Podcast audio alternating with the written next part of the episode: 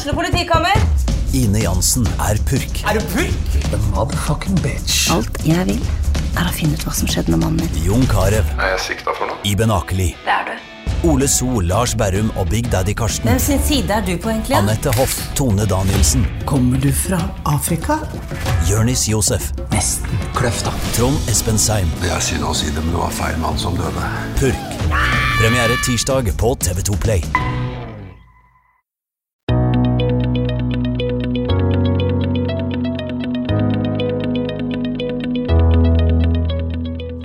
Og velkommen til en ny episode av TV-podden. Det er verre at én uskyldig blir dømt, enn at ti skyldige går fri, heter det. Likevel hender det at noen dømmes, selv om det ikke finnes bevis for at vedkommende har gjort noe galt. Det skjer justismord i Norge. I denne episoden av TV-podden får du høre advokat Cato Schjøtz i samtale med sosiolog og krimforfatter Jan Melum. De to diskuterer flere norske krimsaker, bl.a. Torgersen-saken. Samtalen er et opptak fra arrangementet Justismord i Norge, arven etter Bjørneboe, på biblioteket i Tønsberg. Ja, takk for applausen. Eh, Det er veldig fint om dere applauderer etterpå også. Eh, Jeg vil bare gjerne presentere eh, Cato Schjøtz her, som har vært så vennlig og hyggelig og interessert til å komme hit og være med på dette prosjektet. Det er, det er viktig å ha med en person som har lang erfaring fra feltet, og som kan bidra til å belyse det vi skal snakke om i dag. Nå blir det slik at eh, Vi organiserer det på den måten at uh, Cato vil bruke kanskje en 20 minutter først på å gi en sånn innledende oversikt over feltet. Og så kommer vi til å snakke sammen. jeg skal forsøke å intervjue denne mannen. Altså, han snakker jo stort sett selv, så det blir ikke så vanskelig, tror jeg. Og så kommer vi til å holde på da kanskje ytterligere 40 minutter, eller noe sånt, og så ser vi litt, på stemningen her. Men vi vil legge opp til en del tid på slutten hvor vi kan ta spørsmål. Og da skal vi sørge for at mikrofoner går rundt, og jeg skal forsøke å se litt etter her. I det hele tatt. Så dere får prøve å, å tie stille til vi er ferdig. Det er det vi pleier å si til studentene også. Vær så god, Cato. Tusen takk. Av og til sier man ja til invitasjoner, av og til sier man nei. Det var lett å si ja i kveld. Um, For en tid siden så sa jeg nei. Da ble, da ble jeg spurt om å være med i Skal vi danse? um, det er utrolig mye hyggeligere å være her enn på parketten. Jeg var her for to år siden, eh, temmelig nøyaktig, i januar eh, 2017. Eh, Da snakket jeg om reinkarnasjon. Så mm, dere har et vidt eh, spektrum her i, i biblioteket. Det har dere all ære av. Og det er faktisk ikke så stor avstand mellom reinkarnasjon og Jens Bjørneboe. For Jens Bjørneboe var jo blant mye annet også medlem av Antroposofisk Selskap og hadde da et forhold til reinkarnasjon. Den siden av Jens Bjørneboe skal vi ikke uh, snakke om. Arven etter Jens Bjørneboe er, um, er utgangspunktet. Og Jens Bjørneboe har en stor og viktig arv etter seg. Han var helt usedvanlig allsidig eh, og skrev om en rekke forskjellige temaer. Det som er særpreget for Jens Bjørneboe, er hans store rettferdighetssans. Og den fremkommer på veldig mange forskjellige måter i hans forfatterskap. Han hadde én hovedmotstander gjennom stort sett hele sitt voksne liv, og det var jurister. Han var utrolig lite glad i jurister. Både dommere, ved det aller verste, var jurister i påtalemyndigheten. Han hadde altså en, en dyp mistillit til rettssystemet og hvordan rettssystemet behandlet eh, tapere, de som var kommet på den gale siden av loven. Og bare for å minne om eh, hjørnepunktene i hans eh, juridiske forfatterskap, eller hvor han satte juridiske spørsmål på dagsordenen. Det gjør han første gang i 1957. Da skrev han romanen 'Under en hårdere himmel', som var et bitende oppgjør med landssvikoppgjøret. På et tidspunkt hvor det var fullstendig utenkelig å kritisere landssvikoppgjøret. Det kostet han nesten hans gode navn og rykte. og måtte nærmest flykte fra landet. Det var den første som virkelig satte fingeren på det han mente var skyggesidene ved landssvikoppgjøret. Så gikk det tre år. Da skrev han boken 'Den onde hyrde' i 1960, som var et sviende oppgjør med fengselsvesenet. Da hadde Jens Bjørneboe, som jo hadde et alkoholproblem, kjørt i fylla, og han sonet. Og det han opplevde da i fengselet, Det var da utgangspunktet for 'Under en hårere himmel', eh, som han senere dramatiserte til skuespillet 'Til lykke med dagen'. Og det han så da på hvordan da unge lovbrytere som hadde kommet fra barnehjem og hatt en uheldig start i livet, eh, hvordan de bare rushet videre, det opprørte han. Så gikk det seks år, og så fikk vi da alt støyet rundt utgivelsen av 'Uten en tråd'. Og Der møtte han sin hovedmotstander, eh, nemlig daværende statsadvokat, senere riksadvokat, Laurens Dornfeldt. Eh, bare en liten historie fra rettssaken, hovedforhandlingen fra 'Uten en tråd'. Da ville Dornfeldt gjerne etablere at Bjørnboe hadde skrevet pornografi ut fra et profittmotiv. Eh, han gjorde det for penger. Bare for penger. Så Dornfeldt spurte Bjørneboe ja, hvorfor skrev de boken. Bjørneboe. Hva var deres motiv? Og Da svarer Jens Bjørneboe at motiv og motiv er det dommer. Det er så mange motiver. Hvorfor blir én mann snekker? Hvorfor blir en annen arkitekt? Og hva i alle dager får en mann til å tilbringe hele sitt liv i påtalemyndighetens tjeneste? Her er det rett, så vi ovenfor avgrunner i menneskesjelen. Dornfeldt var svært lite glad i Jens Bjørneboe. Jens Bjørneboe var svært lite glad i Dornfeldt. Men det er nå arven etter Jens Bjørneboe. Jens Bjørneboe utmynter sin rettferdighetssans i et oppgjør med juss jus og eh, rettsregler og jurister på mange måter. Og nå, da vi, kan vi bevege oss fra uten en tråd til Jens Bjørneboes engasjement i Torgersen-saken, som jo er kjernen her og er en veldig viktig del av arven etter Jens Bjørneboe. for all del. Hva er Torgersen-saken? Jo, natt mellom 6. og 7. desember 1957 så ble den 16 år gamle Rigmor Johnsen drept eh, i, bo, på sin bopel i trappeoppgangen. Torgersen ble arrestert mistenkt for sykkeltyveri i nærheten. Eh, han hadde tidligere en dom eh, på voldtekt eller voldtektsforsøk bak seg, og han ble mistenkt. Og han ble dømt til livsvarig fengsel i juni 1958. Hele storyen var at uh, han drepte Ligborg Johnsen. og Så reiste han hjem til bopel, hvor han hentet fyrstikker. og Så reiste han tilbake for å tenne på et bål som han hadde stablet opp for å skjule sporene sine. Så han ble dømt både for drap, voldtektsforsøk og brannstiftelse. Han insisterte allerede fra dag én på at dette var noe han overhodet ikke kjente til. Han var uskyldig. Hvorfor ble han dømt? Jo, han ble dømt fordi at det kom et sett med sakkyndige på henholdsvis tannbitt Avdøde hadde et bitt i, i brystet.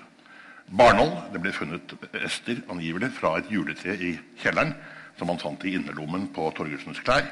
Og avføring. Man mente at det var avføring fra avdøde som hadde smittet over på Torgersens sko. I tillegg hadde man en del vitner. Og alle tre sett med sakkyndige var skråsikre. Det var full identitet. Og da ble han dømt så det suste av juryen. Og det skal man ikke kritisere juryen for, for med så sikre sakkyndige så hadde han selvfølgelig ikke nubbsjans. Så gjorde han et par dumme ting under hovedforhandlingen også. Pekte ut gal person osv. Det går vi ikke inn med. Men i hvert fall, det var ingen som i 1958 var i tvil om at Torgersen var skyldig. Vitenskapen hadde pekt ham ut. Men Torgersen ga seg ikke. Og gjennom 60-tallet så kommer en rekke av kremen av norske advokater inn og engasjerer seg på Torgelsens vegne. Det begynte med Knut Blom, som er glemt navn i dag. Alf Norøs. Johan Hjort, Tor Erling Staff. Og da er vi fremme i begynnelsen av 70-tallet. Da engasjerer Jens Bjørneboe seg i Torgersen-saken. Snakker med Torgersen, ser på vitnene, eller ser på saken, ser på de sakkyndiges uttalelser og går til et frontalangrep på dommen. Det henger ikke på greip. Det er for mange ting som er ulogiske. Så skrev han da, i 1972, fem artikler om forskjellige sider ved Torgersen-saken. Og De fem artiklene som sto i dagspressen, de tok han inn i en essaysamling som kom i 1972, samme år, som heter da 'Norge blitt Norge'. Her står det altså disse seks innleggene. Jeg sa fem. Det er, det er seks innlegg i, om forskjellige sider av Torgersen-saken. Det ene er mer retorisk og illsint enn det andre. Eh, Jens Bjørnboe var vred. Dette rokket virkelig ved hans rettferdighetssans. I tillegg til å skrive disse artiklene så skrev han også et skuespill i 1973 som ble oppført på Klubbsju, og som het 'Tilfellet Torgersen'. Han hadde glede av å virkelig sette dagsorden i Torgersen-saken. En av hans artikler ble utgitt i et eget hefte som heter 'Justismord'. Han fikk også varm støtte fra sin fetter André Bjerke, som også gikk dypt inn i Torgersen-saken, og som i 1973 skrev en slags anmeldelse av en bok av VGs krimsjef, eh, Mikael Spang, som var overbevist om at Torgersen var skyldig. Jens, unnskyld, André Bjerke skrev et essay som sto i Dagbladet i juni 73, som heter 'Mord i Skippergaten'. Som er tatt inn i en essaysamling som uh, kom i fjor i forbindelse med André Bjerkes 100-årsjubileum. Uh, der finner man André Bjerke. Og De to føttene fant hverandre da i en sikker overbevisning om at Torgersen måtte være uskyldig. Det var ikke bare slik at bevisene sviktet, men det var sannsynlig at Torgersen var uskyldig. Hva skjer da videre? Jo, eh, etter 1973 så begynner man da å arbeide med en gjenåpningsbegjæring. Eh, da var det Tor Staff som frontet dette. Så dør Jens Bjørneboe i 76. Så han er engasjert i Torgersen-saken i la oss si snaue fem år. Men det er altså en rekke mennesker som engasjerer seg. Og så får vi tre avgjørelser i forbindelse med begjæringer om gjenåpning. Det, det, er flere, men det er tre hovedavgjørelser. Det er én av Høyesterett kjernebåtsutvalg i 2001. Avslag. Det er for det andre, etter at gjenopptakelseskommisjonen ble etablert, så sier de nei i 2006, og de sier nei i 2010. Da må man jo tro at Torgersen er skyldig. Eh, voldsomme ressurser, særlig engasjerte professor Ståle Eskesand.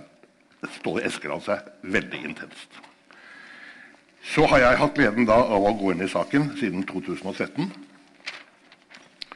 Og har brukt ekstremt mye tid på den saken. Det ligger en begjæring om gjenåpning på kommisjonens bord, som ble sendt 27.6 for eh, to år siden, snaue to år siden. Etter et drøyt år så nedkom påtalemyndigheten med et tilsvar 22.10. i fjor. Tre måneder siden. Og jeg leverer om tre-fire dager et 120 eh, siders innlegg som er et svar på påtalemyndighetens tilsvar. Så da får vi en dom, unnskyld, en avgjørelse for all del, en avgjørelse av kommisjonen formodentlig i løpet av året, på slutten av året. Og det er jo helt enestående at en sak som nå er over 60 år gammel, eh, kreerer et sånt engasjement fra eh, et så utrolig stort antall personer. Jurister, kulturarbeidere, eh, nær sagt alle. Og selv har jeg vært gjennom en ekstremt lang reise i Torgersen-saken. For da jeg ble spurt om å føre den i pennen, fronte den, så sa jeg nei.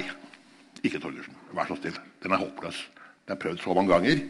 Eh, så mange mennesker kan ikke ta så feil så mange, i så mange tilfeller. Og så begynte jeg da, å, Bare for å få bekreftet min sikkerhet på at Torgersen var skyldig, så begynte jeg da å lese. Så ble jeg da litt overrasket. Så jeg ble litt urolig. Så ble jeg enda litt mer urolig. Og så ble jeg i stadig sterkere grad opptatt av at her hadde det etter all sannsynlighet skjedd en katastrofal systemsvikt som smadret Fredrik Vastin Torgersens liv.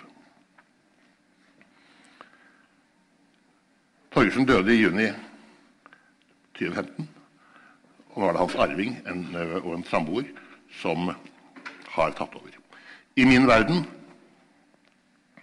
og jeg har arbeidet med tre andre gjenåpningssaker justismordsaker. De kan jeg kort komme tilbake til. I min verden så er dommen fra juni 1958 mot Torgersen det styggeste og mest alvorlige justismord i Norge i nyere tid. Og jeg har da gjennom disse fem årene snudd 180 grader når det gjelder min oppfatning og min vurdering av den saken. Og Dette kan man lese om på nettet. Det er en egen hjemmeside for Torgersen-saken. Der ligger en svær gjenåpningsbegjæring, masse bilag. Der kan man lese til øyet blir stort og vått. Og så kan man da se hvorfor vi mener at dette representerer et justismord. Så dette er et arbeid som skjer helt i Jens Bjørneboes ånd. Og det er Jens Bjørneboe som jo er hovedinnfallsvinkelen til dette. Justismord i Norge, arven etter Jens Bjørneboe. Det arbeidet som vi, og vi er ganske mange, eh, har og gjør i Torgersen-saken, der står vi på manges skuldre, bl.a. Jens Bjørneboe. Så Jens Bjørneboe var den som virkelig satte denne saken på dagsordenen. Og der har den forblitt. Fra begynnelsen av 70-tallet så har denne kontinuerlig støtt på dagsordenen. Det er en verkebyll hvor det er gått ekstrem prestisje. Man snakker om prestisje i Erik Jensen-saken. Det er peanuts i forhold til det der i Torgersen-saken. Vi skal da si litt om, um, om um, dette med um, Hvorfor er dette så viktig? Jeg har vært advokat i over 40 år, siden jeg ble 30. Jeg har vært opptatt av rettssikkerhet i svært mange år. Jeg har vært medlem og jeg har vært formann i Advokatforeningens rettssikkerhetsutvalg. Rettssikkerhet er kjernepunktet i et demokrati. Rettssikkerhet har to sider. Det ene er at vi skal unngå gale dommer. Der er vi ganske gode gjennom våre bevisbyrderegler, våre saksbehandlingsregler, våre regler om kontradiksjon, våre regler om habilitet. Vi er ganske gode til å hindre uriktige dommer. Det fungerer. Og det er klart at fordi at eh, det er så viktig å forhindre uriktige dommer, så er det en del skyldige som går fri. Sånn er det. Sånn vil vi ha det. Det er én side av rettssikkerheten. At urett blir begått. Men så er det den andre siden som er mye mer vanskelig, mye mer komplisert, mye mer krevende. Det er hvordan gjør vi gammel urett god igjen? Det er også en side ved rettssikkerheten. Der er vi dårlige. Det skal så mye til å få gehør for å snu fellende dommer og gi de domfelte den oppreisning og den erstatning som de har krav på. Det er virkelig en kamp jeg har vært gjennom den kampen tre ganger før. Det var for å ta stikkordene. Først var det tidlig på 90-tallet. Sammen med kollega Ole Jakob Bae representerte vi Per Liland, som de litt eldre av dere vil huske, som var selve vannskillet når det gjelder gjenåpning. Før Liland-saken var det helt umulig i praksis å få en sak gjenåpnet. Liland-saken åpnet øynene for svært, svært mange, og vi kunne se at også i Norge så skjer det katastrofale feil med katastrofale virkninger fordi det måtte avgå. Så hadde Ole Jakob Ba og jeg også en sak i Bergen. Gjenåpning av den såkalte politivoldssaken. Hvor det var altså avslørt hvordan polititjenestemennene ved Bergen politikammer løy og løy. Og hvor Høyesterett altså en nådeløs dom, for å si det rett ut. Og så hadde jeg også en sak med en colombianer som var dømt for medvirkning til smugling av kokain, som også ble gjenåpnet. Og Vi kan komme tilbake i diskusjonen til hva som er årsakene til at det går så galt. Men dette er altså, dette er altså min bakgrunn, og dette er ting som jeg har jobbet med, som jeg interesserer meg. Det, vi, det jeg kunne tenke meg å utdype i diskusjonen, og kanskje ved spørsmål også, det er hvordan systemet fungerer Altså hva er det som er årsaken til at justismord oppstår? Hvem er det som har skylden? Hvor er, er det mulig å si noe om eh, hvor er det svikten ligger? Eh, og hva for å foregripe det Svikten, hoved, hovedskylden for at vi får justismord, ligger hos de sakkyndige generelt og hos legene spesielt. Ja, så, er det, så er det sagt. Så er den delen helt Kan du ta med deg psykologen også? Nei, de er ikke så ille. Legg meg være. Eh, det, det ser man i sak etter sak. Det er de medisinske sakkyndige som trår feil. De er skråsikre i utide med katastrofale følger. Eh, så kan vi si litt om eh, Gjenåpningskommisjonen. altså Hvordan fungerer den? Og bare for å avrunde, nå har jeg kommet til meg ende mine 20 minutter. Vi har tre celebre saker som nå ligger hos Gjenoppdagelseskommisjonen. Vi har Orderud. Den har ikke jeg noe å gjøre med, men jeg forsvarte Per Orderud i 2001 og 2002. Det gikk ikke bra. Ikke i det hele tatt. Så har vi Baneheia. Det er et tema ved en senere anledning uh, her i dag. Uh, og så har vi da Torgersen. Alle disse tre ligger til avgjørelse. Jeg tror at uh, først skal de ta Unnskyld, først, jo, først skal de vel ta Orderud, og så Baneheia, og så Torgersen. Jeg tror det er den rekkefølgen. Ja. Ja. Og så har vi da fått dette med justismord inn nå i de aller siste to dagene gjennom Eirik Jensen-saken. Den er jo ikke rettskraftig, vi vet ikke utfallet. Men det blåser jo ikke akkurat Eirik Jensens vei, etter det vi vet nå. Og da får vi også en, helt sikkert i etterkant av en eventuell fellende dom, så får vi akkurat den samme diskusjonen om justismord. Så dette er noe som er veldig viktig. Og det er altså et virkelig kjennetegn på demokratiet at vi ikke bare har rettssikkerhet i den forstand at man skal hindre urett, men har man en rettsstat, så skal man også ha et velfungerende system for å gjøre gammel urett god igjen. Og det har vi nok ikke i den grad som vi burde ha. Det var jo det jeg hadde tenkt å si. Det er en, det er en fin avslutning så langt. Ja. Altså, som dere skjønner, så er valget av uh, tittel på dette, denne seminarrekka den er ikke tilfeldig. Det er uh, arven etter Bjørnboe. Og det er jo helt riktig, selvfølgelig, og det vil fremgå av alle som setter seg inn i disse sakene, at Bjørneboe-saken er en verkebyll i det norske rettsvesenet. Ja, Torgersen. Nei, ja, unnskyld. Torgersen-saken, men ved hjelp av Jens Bjørneboe. Ja.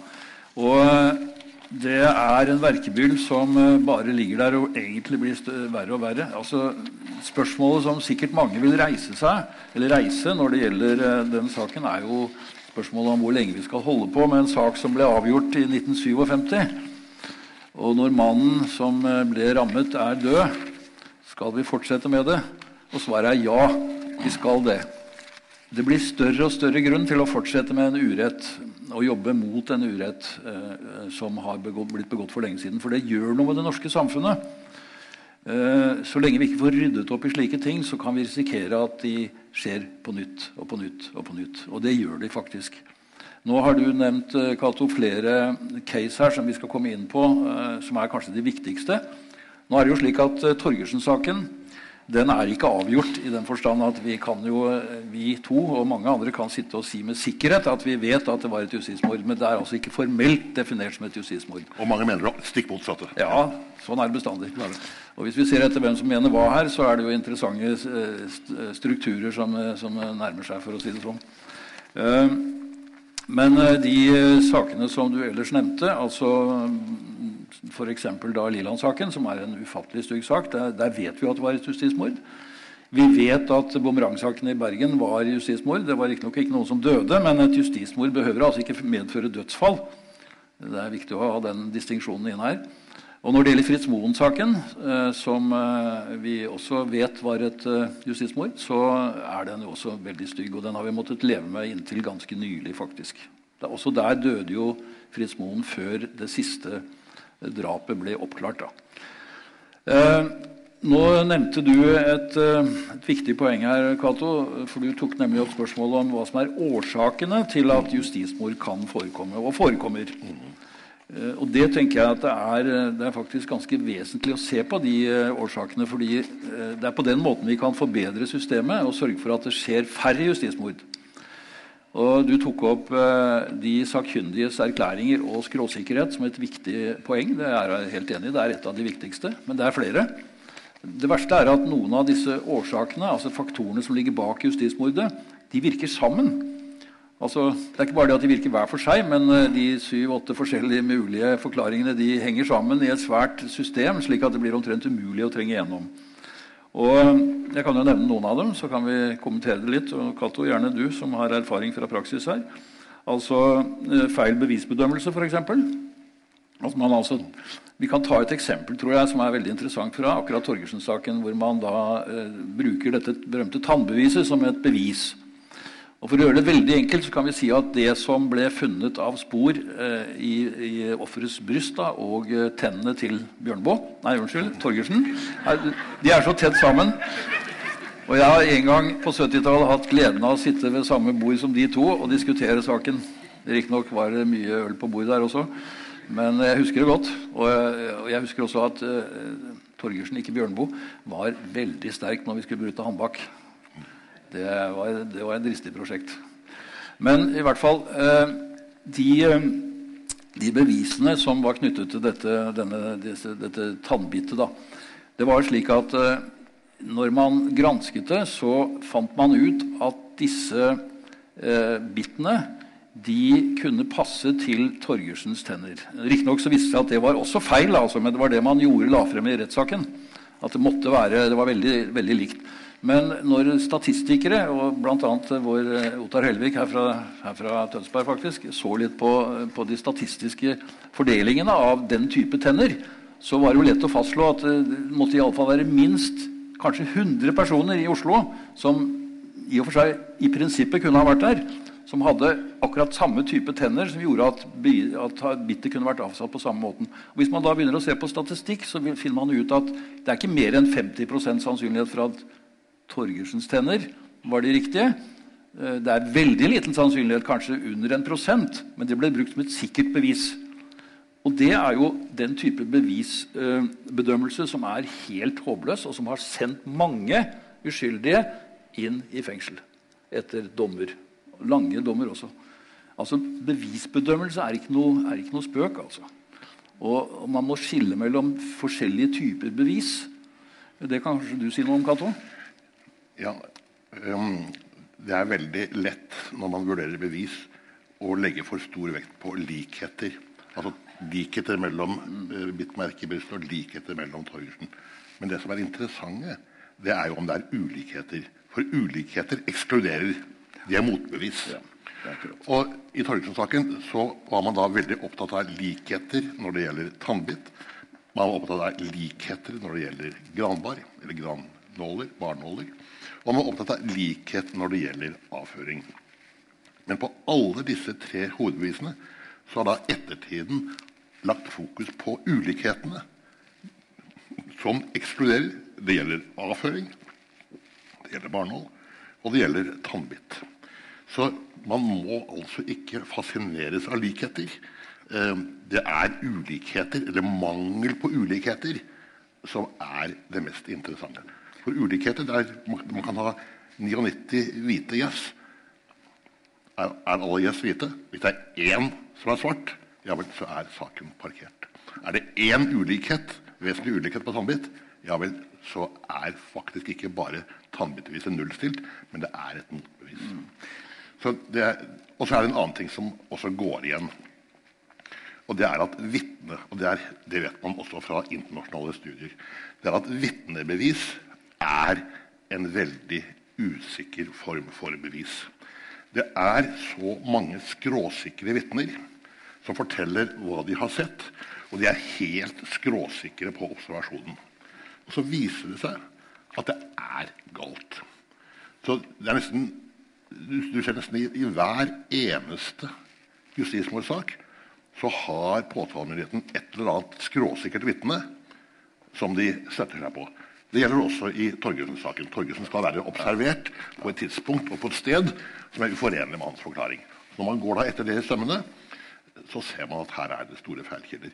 Så man, man må være grunnleggende skeptisk til vitneobservasjoner. Ja, det er, det er, helt riktig. Det foreligger en stor internasjonal studie på akkurat dette feltet hvor man har tatt for seg feilaktige domsavsigelser, altså justismord, og sett på hva som etterpå da, hva som har vært eh, forklaringen på at det gikk så galt. Og da kommer eh, vitneobservasjoner helt på toppen av lista. Og jeg kan godt referere litt for dere her, for det er veldig interessant. Altså, det er eh, øyevitner først. Det er det vanligste. Så er det rettssakkyndige som tok feil. Så er det påtalemyndigheten som tok feil. Altså de hadde tunnelsyn. De gikk bare etter én ting. Og så er det eh, til og med rettssakkyndige som avgir falske eller villedende forklaringer. altså til og med falske, altså Det forekommer også. Og så er det uærlige informanter. Folk som forteller saker og ting. Som har eget, eh, en egen agenda ved å fortelle det. Det vil også Torgersen-saken. Ja, det gjør det. Inkompetente forsvarere, for å si det også, da. det forekommer. I Baneheia-saken, som dere skal få høre mer om, så var det i hvert fall én forsvarer som var meget inkompetent, og som skadet sin klient direkte. Det er ikke så ofte, tror jeg, men det forekommer. Så er det fals falske vitnesbyrd av folk som forteller saker og ting som de mener å ha trodd og hørt og opplevd, og som er ren fantasi. Og så er det falske tilståelser som også ligger der. slik at det er mange ting å ta her. Eh, det som eh, jeg nevnte nå, tunnelsyn, da, tunnelsyn det er også en farlig historie. og Det handler jo også om bevisføringen. selvfølgelig, fordi at Hvis man i en bevisførsel ser på et bestemt bevis, en observasjon, eh, en telefonsamtale, et SMS f.eks., hva som helst, og har et, i utgangspunktet en oppfatning om hva det er, hva det skyldes, hva det kan forklare, hva det kommer av, og hva det handler om, så ser man ikke de andre mulighetene. Eh, mens det jo bør være slik at man må se på alle mulige tolkninger også de som er imot påtalemaktens interesser. Altså som for, som for så vidt eh, forsvarer eh, altså den tiltalte. Og da er det jo slik, tror jeg, da, det vet jo du mye om, altså at i virkeligheten så skal jo aktoratet skal jo se etter alle forhold, også de som kommer eh, den tiltalte til gode. Og ikke motsatt. Men jeg tror de låser seg ofte. Ja. Altså, de, de låser seg på et for tidlig stadium av saken. Ja. Det er veldig typisk i Liland-saken. Det er veldig typisk i Torgersen-saken, og kanskje også i Birgitte Tengs-saken. Når du først liksom har hvor påtalemyndigheten mener at man har en begrunnet oppfatning av hvem som er den skyldige, så rettes etterforskningen seg mot å få bekreftet denne mistanken. Og da, ja. da blir man litt fartsblind og litt for glad i sin egen arbeidsteori. Og så glemmer man alle motforestillingene, og så går det galt. Ja, Det er en svært, svært vanlig foreteelse. Og det er for så vidt ikke så rart. Man kan jo tenke seg det. Man holder på å jobbe med en sak i måneder og år, kanskje. Og så mister man eh, perspektivet. Men det kan være veldig, veldig skadelig. Og husk på det at etterforskerne og aktoratet, og for så vidt også domstolen etterpå, de skal jo simpelthen ikke De er ikke der for å, for å få en skyldig dømt. De er der for å finne sannheten. Og det er faktisk to forskjellige perspektiver. Men jeg tror gale saker tror jeg er mye farligere. For vitneobservasjoner vet vi jo er, er jo litt ja. Men hva gjør en stakkars forsvarer med en skråsikker sakkyndig? Det er, det Og det gjelder jo ikke bare i straffesaker. Det gjelder jo i sivile saker, langs plisesaker. Altså skråsikre sakkyndige, det er et veldig, veldig tungt bevis. Um, domstolene lar seg fjetre av, av sakkyndighet. Uh, og en skråsikker sakkyndig har veldig blitt tillagt en veldig stor vekt. Og jeg vi husker, En del av oss husker alle disse overgrepssakene med små barn. Hvor det var da sakkyndige leger på Aker sykehus som mente at de hadde opparbeidet en spesiell form for kompetanse med hensyn til å avdekke overgrep mot små barn, små piker. Eh, ut fra undersøkelser av underlivet. Og det viste seg at de undersøkelsene de holdt ikke vitenskapelig mål. Og dette resulterte i tragedie på tragedie på tragedie, hvor da fedre nære familiemedlemmer, besteforeldre, ble dømt for grov incest. Hva var grunnlaget? Bare skråsikre sakkyndige. Adresse Aker sykehus. Det er et faktum. Det, og, og, og, det endte jo med selvmord. Altså, det, det, var, det, var, det, var, så helt vilt hvilke tragedier som oppsto. Så at sakkyndige de må altså ha en viss respekt for at uh, de er ikke Vår Herre. Uh, de, de, må, de, må, ta forbehold. Torgersen ble dømt på grunnlag av sakkyndighet. Skråsikre sakkyndighet, Som ble altså desavuert, kastet over bord. senere. Det var ikke grunnlag for det. Og da skjer det at når de sakkyndige uttalelsene forsvinner, når de mister sin beviskraft, så kommer vitnebevisene opp. Um, og da kommer de vitnebevisene opp som har stått i motstrid til de sakkyndige, men som er blitt overkjørt av de sakkyndige.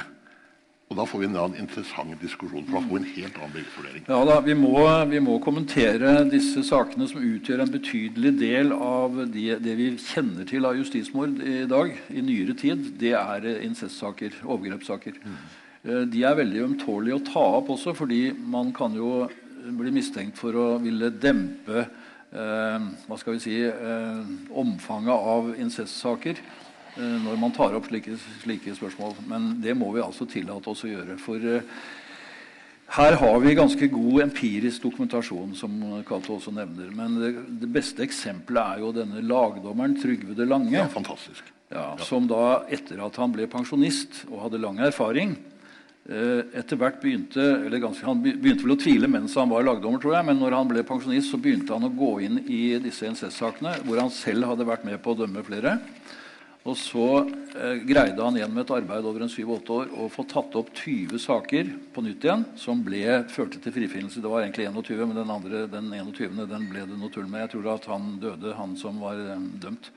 Den ble ikke fullført, i hvert fall. Men uh, i alle fall 20 saker altså, som én mann uh, gjennomførte. Én eneste og, og hva kan vi lære av det? Hvem er det som har æren av å snu justismord? Det er alltid en privatperson som reagerer, og som har så mye idealisme i seg at han tar påkjenningen ved å nedlegge et endeløst arbeid, endeløst med tid, og står løpet. Det skjer i sak etter sak. Liland-saken Tore Sandberg. Ja. Det skal, altså, men der er jo slik også, det kan jo du si noe mer om, at uh, det var jo en svensk manager til Pussycats. Sven Ekeroth. Sven Ekeroth. Sven Ekeroth som hadde materialet. Men det var, ja, ja. Men det, men det var for så vidt Sven Ekeroth greide jo ikke å bære frem det på en ordentlig ja. måte. Nå var han en rimelig skandalisert person, så han ble ikke oppfattet som seriøs. Men det ble jo Tore Sandberg. Men Tore Sandberg var jo også helt sentral når det gjelder Fritz Moen. Ståle Espeland tok Torgersen-saken. Uh, et uh, kjempearbeid.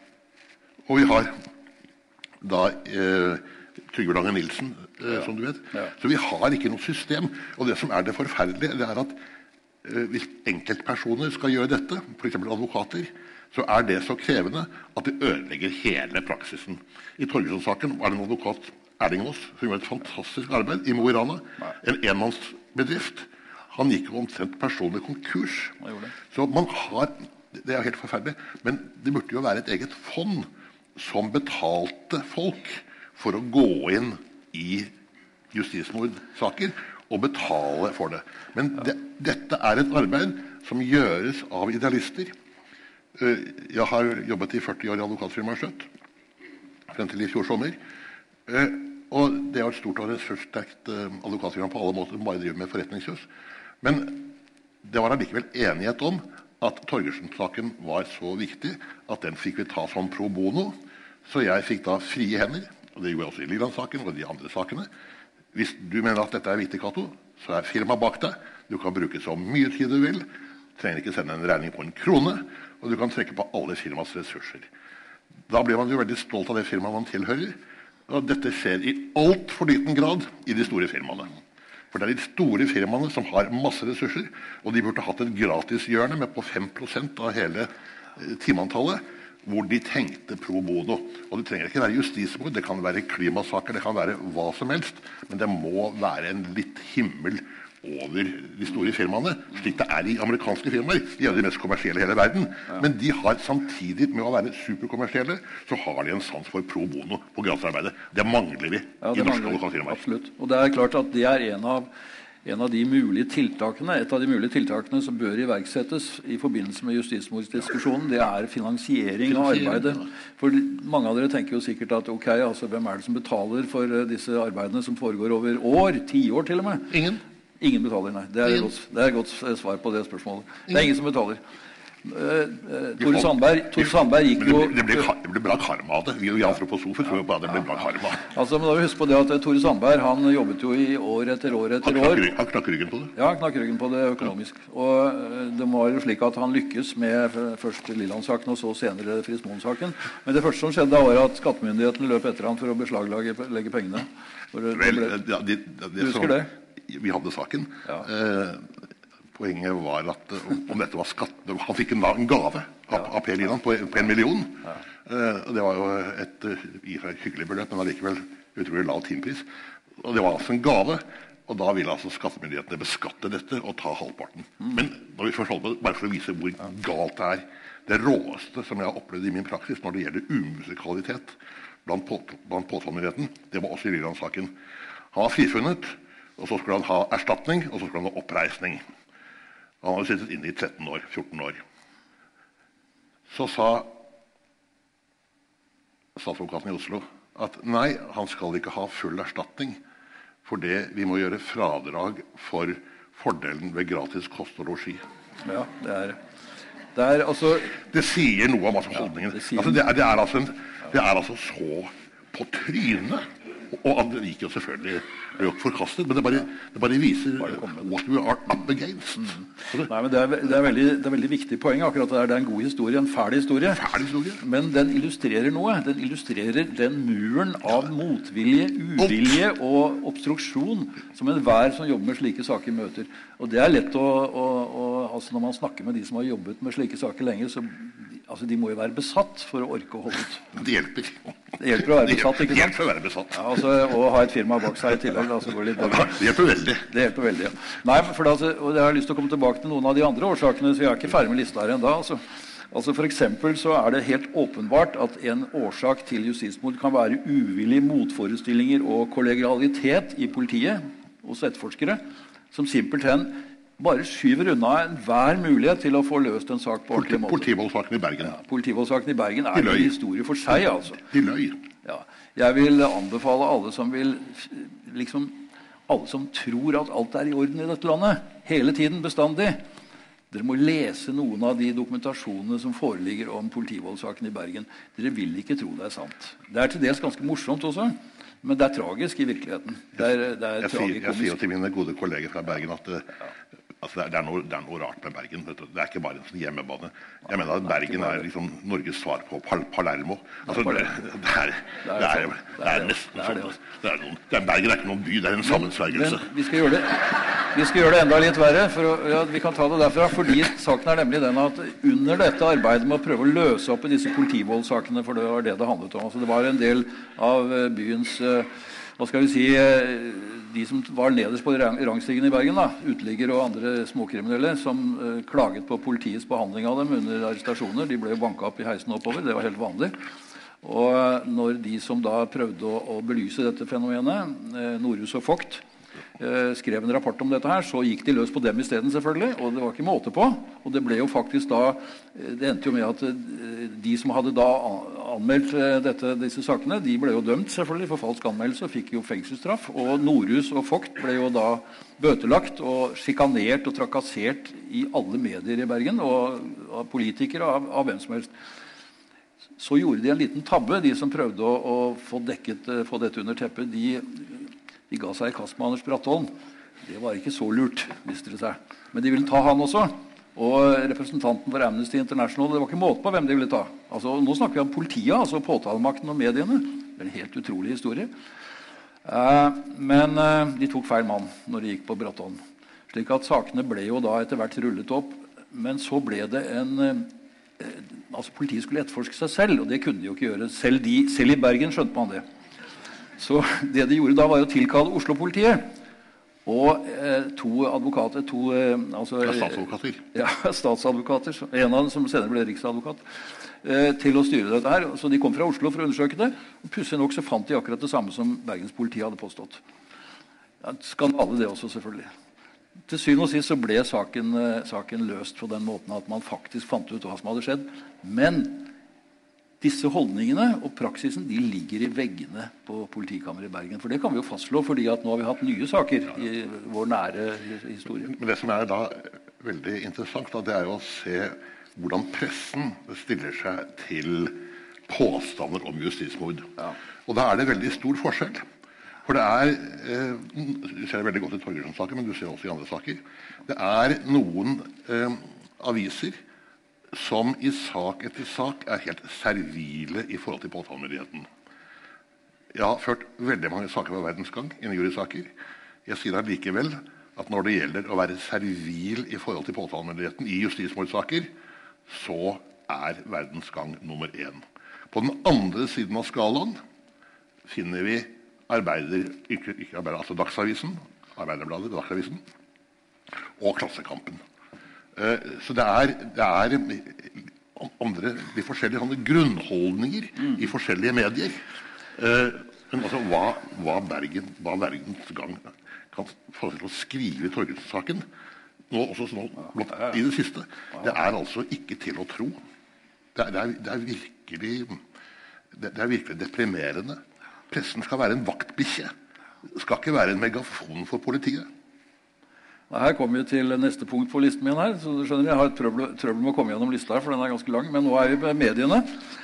Og medienes rolle i uh, justismordsaker er svært så vesentlig når vi begynner å se etter. Altså, I saker, særlig saker som har vært veldig oppblåst, altså mediemessig, så henger man seg raskt på uh, det som uh, etterforskerne, påtalemakten og domstolene presenterer. Kritiske spørsmål blir glemt. De som prøver seg med dem, blir sjikanert. Eh, man gjemmer unna eh, såkalte nulldokumenter som ikke forsvarere bør få tilgang til. som kanskje kunne opplyse saken. Vi har mange eksempler på det. Og det er helt riktig som du sier, I Bergen var det jo helt ekstremt, altså, men det fins eh, eksempler på det i andre medier også.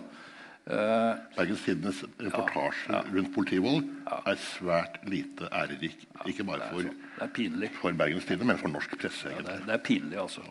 Vi har sett eh, tendenser til det i Baneheia-saken også, men eh, av mange grunner. Men det ser ikke pent ut der heller. Men for å, være, for ikke gjøre noen urett altså I, ja. i nå, Eirik Jensen-saken så syns jeg at uh, en av de avisene som jeg kritiserte i stad, altså Aftenposten Hva heter han krimreporteren Hansen til fornavn? Inge D. Hansen, ja. Inge, Inge, mm.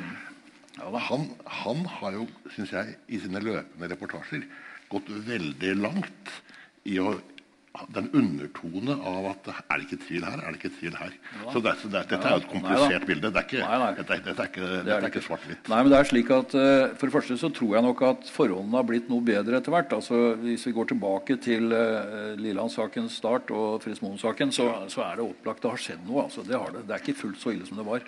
Det ville ikke vært mulig å gjennomføre det samme prosjektet i dag. Men det er uh, ille nok. Og jeg må allikevel tilbake til disse incestsakene. Fordi der ble eh, ved hjelp av de sakkyndige og ved hjelp av en alminnelig hva skal vi si, en bølge av overgrepstenking så ble eh, det veldig enkelt å dømme folk. Og vi vet i dag som sagt, disse 20 som vi kjenner til, men det er mange flere. Eh, det Lange han eh, skisserte eh, ganske velbegrunnet et tall som han mente han kunne langt på vei dokumentere ut fra det han hadde studert og sett, på over 100 justismord når det gjaldt incestsaker i den perioden som han studerte. Altså en tiårsperiode omtrent. Og Det er jo dramatisk. og Det er jo bare en liten del av dem som faktisk har ført til, til, en rettferdig dom omsider. Da. Men som du sa, i hvert fall to av de som ble dømt, begikk altså, justismord for incest. Det, er, det, er, det, er, det, er det aller verste. Ja, det er, altså, en, en ting er jo drap og, og så videre, det, det kommer man over, men, men incest mot, ja, mot små er. Små piker. Ja. Det føler deg altså, Du er ødelagt. Ja, så, kan man, ja, så må man eh, selvfølgelig stille spørsmålet fordi at det er så fælt, så må man jo eh, liksom ta hardt i. Men det blir ikke noe bedre fordi man skader andre i tillegg til den som muligens er skadet. Jeg sier muligens, for vi vet jo ikke sikkert. Uh, ja, Men la meg fortsette på lista her. Inkompetanse hos etterforskere. Så det er ikke noe spøk. Det beste eksempelet vi har som vi kjenner til, og som førte til justismord, er jo Birgitte Tengs-saken. Hvor, hvor, altså da eh, avhørene som ble foretatt, og som vi da faktisk kjenner til fordi de ble jo tatt opp på bånd, vi vet hva som skjedde. Når man ser på dem, så tror man jo man har havnet i Disneyland. Altså, det er, det er, er, det mulig, liksom? Dette må være en film. Det må være fiksjon. Hvor eh, da denne mannen, fetteren, da, som dere vet, han fikk jo da en beskjed om å tegne et, eller fortelle et mulig scenario som kanskje kunne være et opplegg til en filmhistorie. Hvor han liksom seg, ble bedt om å tenke seg hva som kunne ha skjedd. Og etter at han hadde gjort det, så ble han plassert inn i fortellingen. Og så ble det til at det var hans tilståelse. Altså, dette vet vi i dag, altså. Det er klart. Og det, ikke, det, går ikke an å bare skylde på den ene etterforskeren, som ikke hadde så lang erfaring i dette, her, men han var jo styrt av Kripos-sjefen, som hadde ansvaret. Og eh, Hvis man nå konfronterer eh, Kripos-etterforskeren, som da hadde ansvar for etterforskningen, med det som skjedde, så vil han i dag bare si at eh, ja, men det var det han følte at var rett. Det interessante i disse sakene, og det må vi merke oss, er at det er nesten umulig å få fram noe som ligner på en unnskyldning. Selv der hvor vi faktisk vet at det ble begått feil. Tor du bør sa unnskyld til, til Liland. Ja, ja, altså, ja. Men, men, det er veldig sjelden. altså. Og det er til og med slik at uh, Når det begynner å nærme seg en oppklaring, og vi vet at dette er, dette er et justismord, det er bare noen formaliteter som er igjen Det siste påtalemakten gjør ved deres representanter, det er å prøve å forsinke det, utsette det, glemme det, gjemme det bort. Hva som helst, bare for å unngå at det kommer opp. Og Det forteller oss at det er veldig mye prestisje som ligger i disse systemene. Det er strukturelle problemer. Folk henger sammen, uh, og de uh, forsvarer sine revirer rett og slett. Og det er en trussel mot, uh, mot rettssamfunnet. og Derfor er det så viktig. Men det er jo veldig menneskelig. Man tar ikke ja, inn over seg at man har gjort nei, nei, nei, feil. Nei, det, det, liker jo ingen av oss. Neida. Og så er det en, eh, en, eh, ikke den siste, nest siste, nest siste poenget her, eh, som du var inne på, indirekte i hvert fall, nemlig at en del, i en del av disse justismordsakene så kan vi ane ganske klare konturer av klassejuss. For hvis vi ser etter hvem som eh, ryker, hvem som går dårligst ut her Altså Torgersen, Liland, Fritz Moen Fins det noen bedre eksempler på scapegoats? altså? Ja, jeg har et eksempel. Har du et til? Ja, det har du. Ja, nei, hvis noen spør meg hvor er faren for justismord størst, så har jeg en oppfatning av det. Uh, hvor, hvor, det er, hvor, det er, lettest å glemme og respektere bevisbyrden. Og det er en kombinasjon av tre ting hvis det er narkotika, hvis det er utlending, og hvis det er mange. Det er jo en god kombinasjon. Da utlending, narkotika og mange, mange tiltalte altså, det, da skal det blinke et lys, gult lys. Fordi at det er så lett å unnlate å ta individuelle hensyn. Jeg nevnte at jeg hadde hatt en sak for en colombianer. Han var en av mange tiltalte. Og da får man også en sånn, sånn massevurdering Eh, er det én som blir dømt, så, så, dømmes alle sammen. Men i en stor sak med narkotika å ta individuelle hensyn og prøve bevisbyrden konkret og grundig i forhold til hvert enkelt tiltalt, det er veldig krevende og vanskelig. Så, så da, det krever en litt ekstra bevissthet. Utredning, narkotika og mange tiltalte. Da kan det fort gå galt. Og det gikk veldig galt. De, de, ja, det gikk jo veldig galt. Han satt vel sonte han åtte år? Syv, syv, ja, eller, syv, syv, syv år, ja. Eh, og det, jeg mener at det var jo ikke bare det som skjedde der, men det skjedde jo også jeg må jo nesten si at uh, de ansvarlige fra påtalemaktens side forsøkte jo aktivt å forhindre at uh, retten skulle skje fyllest. Rett og slett, altså Ved å gjøre feil, ikke levere inn ting, forsinke saker og ting. Man tror ikke det er mulig. Og, i Fritzemoen så jukset det jo. Altså, altså, ja, re, jukset, re, ren juks. Ja, ja. I, i, i, i Portivold, så løy de. Ja, de løy. De løy. Så, så, så det er, men dette er, dette er, jo Når det er sagt, så må vi jo ta inn at selvfølgelig det, det er menneskelig å feile, og det, det, må jo skje feil. Så, så det er, men det er altså at man alltid alltid må slåss så utrolig lenge eh, at de aldri kan innrømme at de har tatt feil. Men at de går på barrikadene for hver eneste sak. Det er det som er det fortvilende. Ja, det er fortvilt. Altså, man må jo stille seg spørsmålet eh, Nå er vi i Norge, da. Vi er jo et forholdsvis sivilisert land. Det finnes land som har dårligere rettssystemer enn vårt. altså Det tror jeg vi må bare erkjenne. Men, eh, men eh, jeg, jeg, stiller meg selv det spørsmålet av og til. Er det noe i veien med oss som gjør at vi ikke vil innrømme feil? Altså systemet som sådan. Og det er jo jeg, jeg er jo veldig glad i det norske systemet av én grunn. Det er én ting som vi tar som en selvfølge i Norge, men som vi burde egentlig ta med i aftenbønnen uh, og si takk for hver kveld. Og det er at I Norge så er vi da velsignet et av de få landene i verden som er velsignet med en absolutt ukorrupt dommerstand. Det er et fantastisk gode. Og det, er ikke, det kan være korrupsjon i næringslivet, det kan være korrupsjon i forvaltningen. Det er ikke korrupsjon blant norske dommere. Og, det er, og norske dommere blir mer og mer uavhengig av forholdet til staten osv. Vi har altså, vi har en, en, dommerstand i Norge som vi tar for gitt.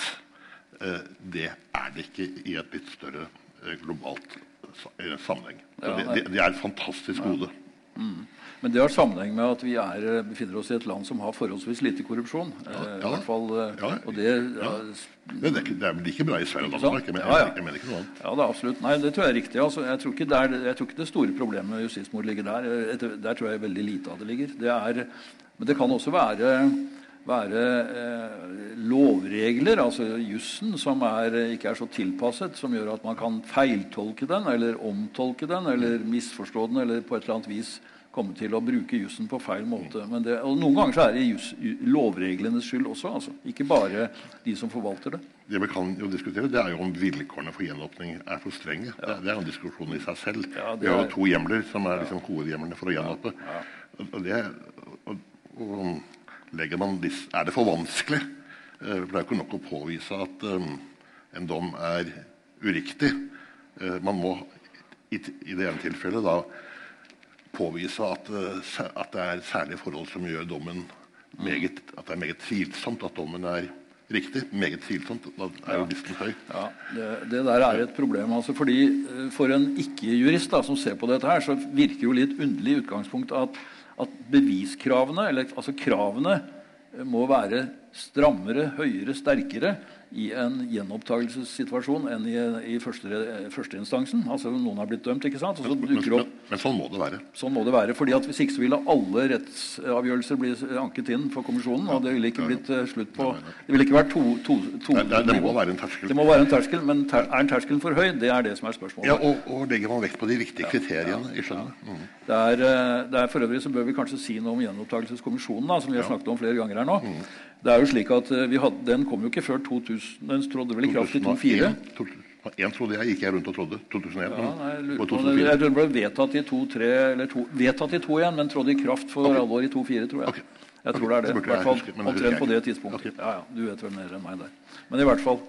Eh, når den kom, så skulle jo den erstatte disse mulighetene som man hadde tidligere da, ved å gå opp til Høyesterett og, og, og hele den veien der. Det var en egen frittstående kommisjon. Den eksisterer nå. Den har vel fem medlemmer, har den ikke det? Fem medlemmer og et sekretariat. Ja. Og vi har hatt tre ledere. Ja. Eh, som, nå har vi hatt to som satt i Alle kvinner, ja.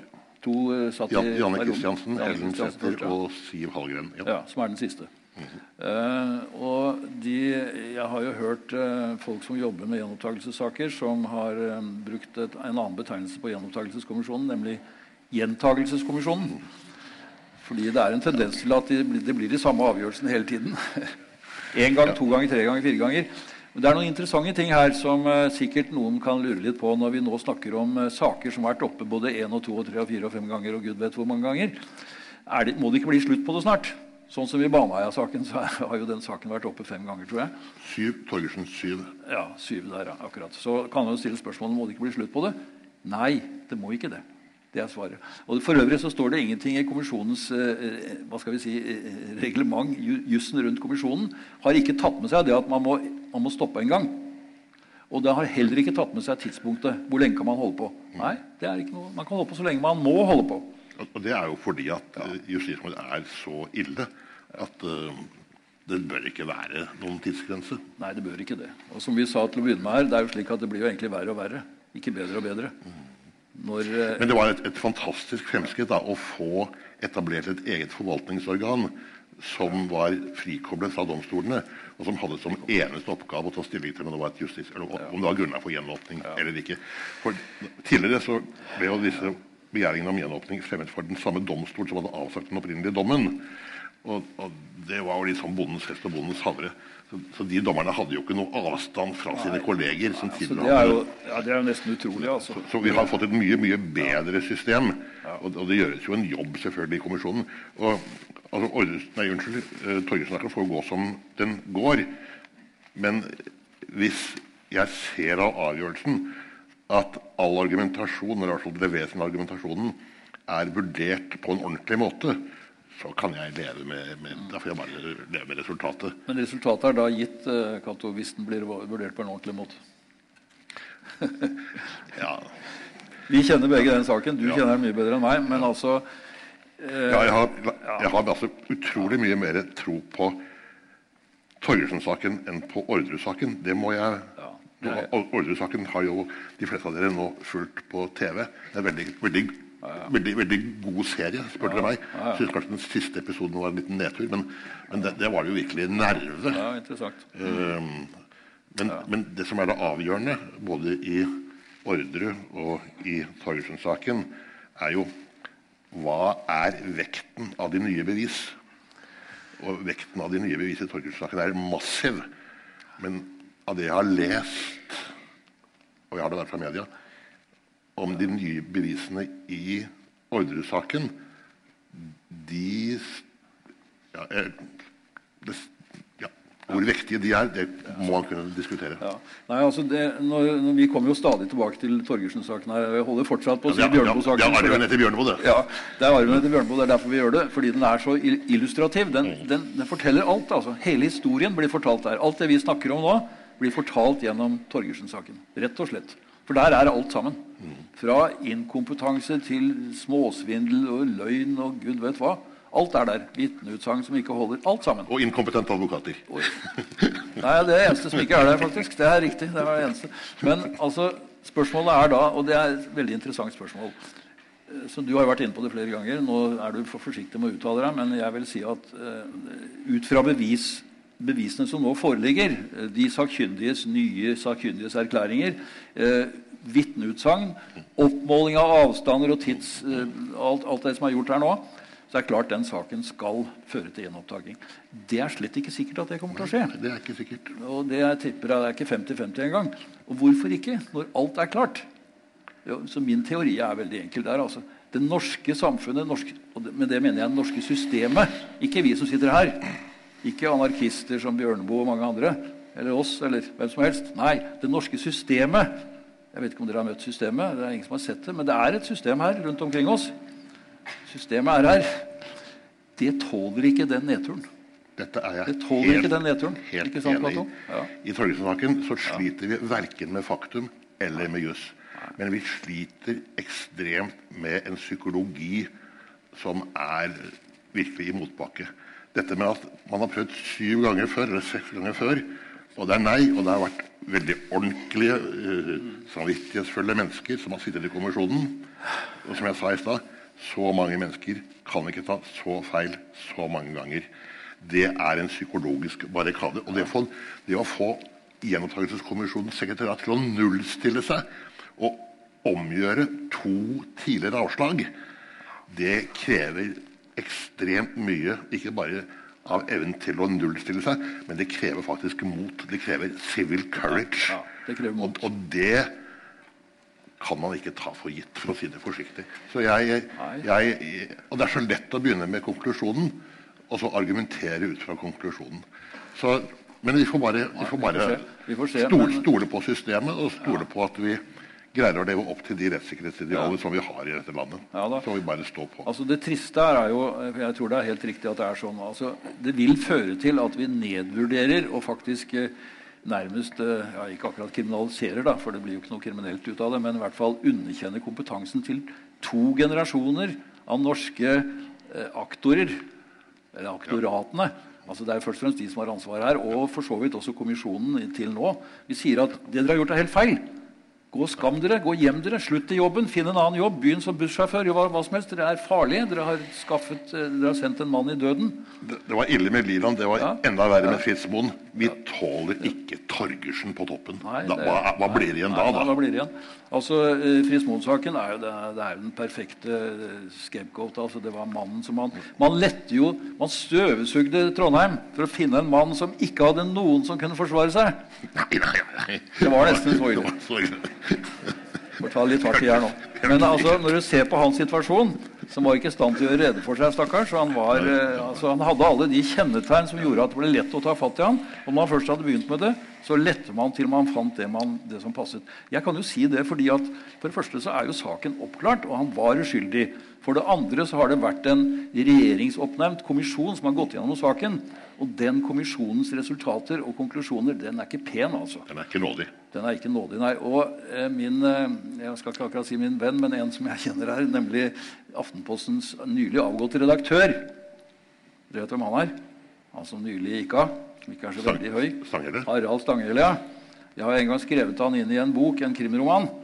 Eh, og da sa redaktøren min, når han gikk gjennom manuset, så sa han at eh, vel Det er jo morsomt at du tar med deg han. Jeg hadde ikke brukt navnet hans, da, men alle skjønner jo hvem det er. Og hvorfor? Jo, jeg hadde skrevet at han var så liten at han rakk knapt nok opp til skrivebordet. Han er ganske liten. Men i, alle fall, har, eh, i den forbindelse så fikk han boka av meg etterpå, så jeg har hatt litt, litt med han å gjøre. Eh, Men han skrev altså en leder i Aftenposten etter at kommisjonen Jeg tror kanskje det var før kommisjonen kom, eller var rett etterpå. det husker jeg ikke. Overskriften på den, eh, den, den lederen var 'Morderne blant oss'. Morderne blant oss. Altså de som hadde tatt livet av Fritz Moen. I, I hvert fall tatt livet fra han. Den var ikke, altså At den sto i Aftenposten Jeg har klippet den ut og tatt vare på den. Det er, det er sterkt. altså. Så ille var det. Så det er, Jeg overdriver ikke når jeg sier eh, det jeg sa i stad. Det, det var forferdelig, altså. Rett og slett. Men uh, Skal vi se på vi skal se på klokka. Vi, er, ja da, vi har et par minutter igjen, så skal vi slippe dere litt løs her. Uh, som dere skjønner, så vil vi, vil gjerne høre hva dere mener om dette. Og ikke komme og si oss imot, altså. Da blir det bråk. Takk for at du hørte på TV-podden. I neste episode av denne serien om store norske krimsaker møter vi journalist og forfatter Bjørn Olav Jahr. Episoden sendes 1. mars og har tema 'Vitner som ikke blir hørt'. Jahr skal snakke med Jan Melum om Birgitte Tengs-saken. Mitt navn er Marie Olaussen, ansvarlig redaktør er Sigmund Kydland, og musikken du hørte er laget av Scott Holmes. Mer fra vår podkastredaksjon finner du der du laster ned podkast. Har du et enkeltpersonforetak eller en liten bedrift? Da er du sikkert lei av å høre meg snakke om hvor enkelt det er med kvitteringer og bilag i fiken, så vi eh, gir oss her, vi. Fordi vi liker enkelt. Fiken superenkelt regnskap.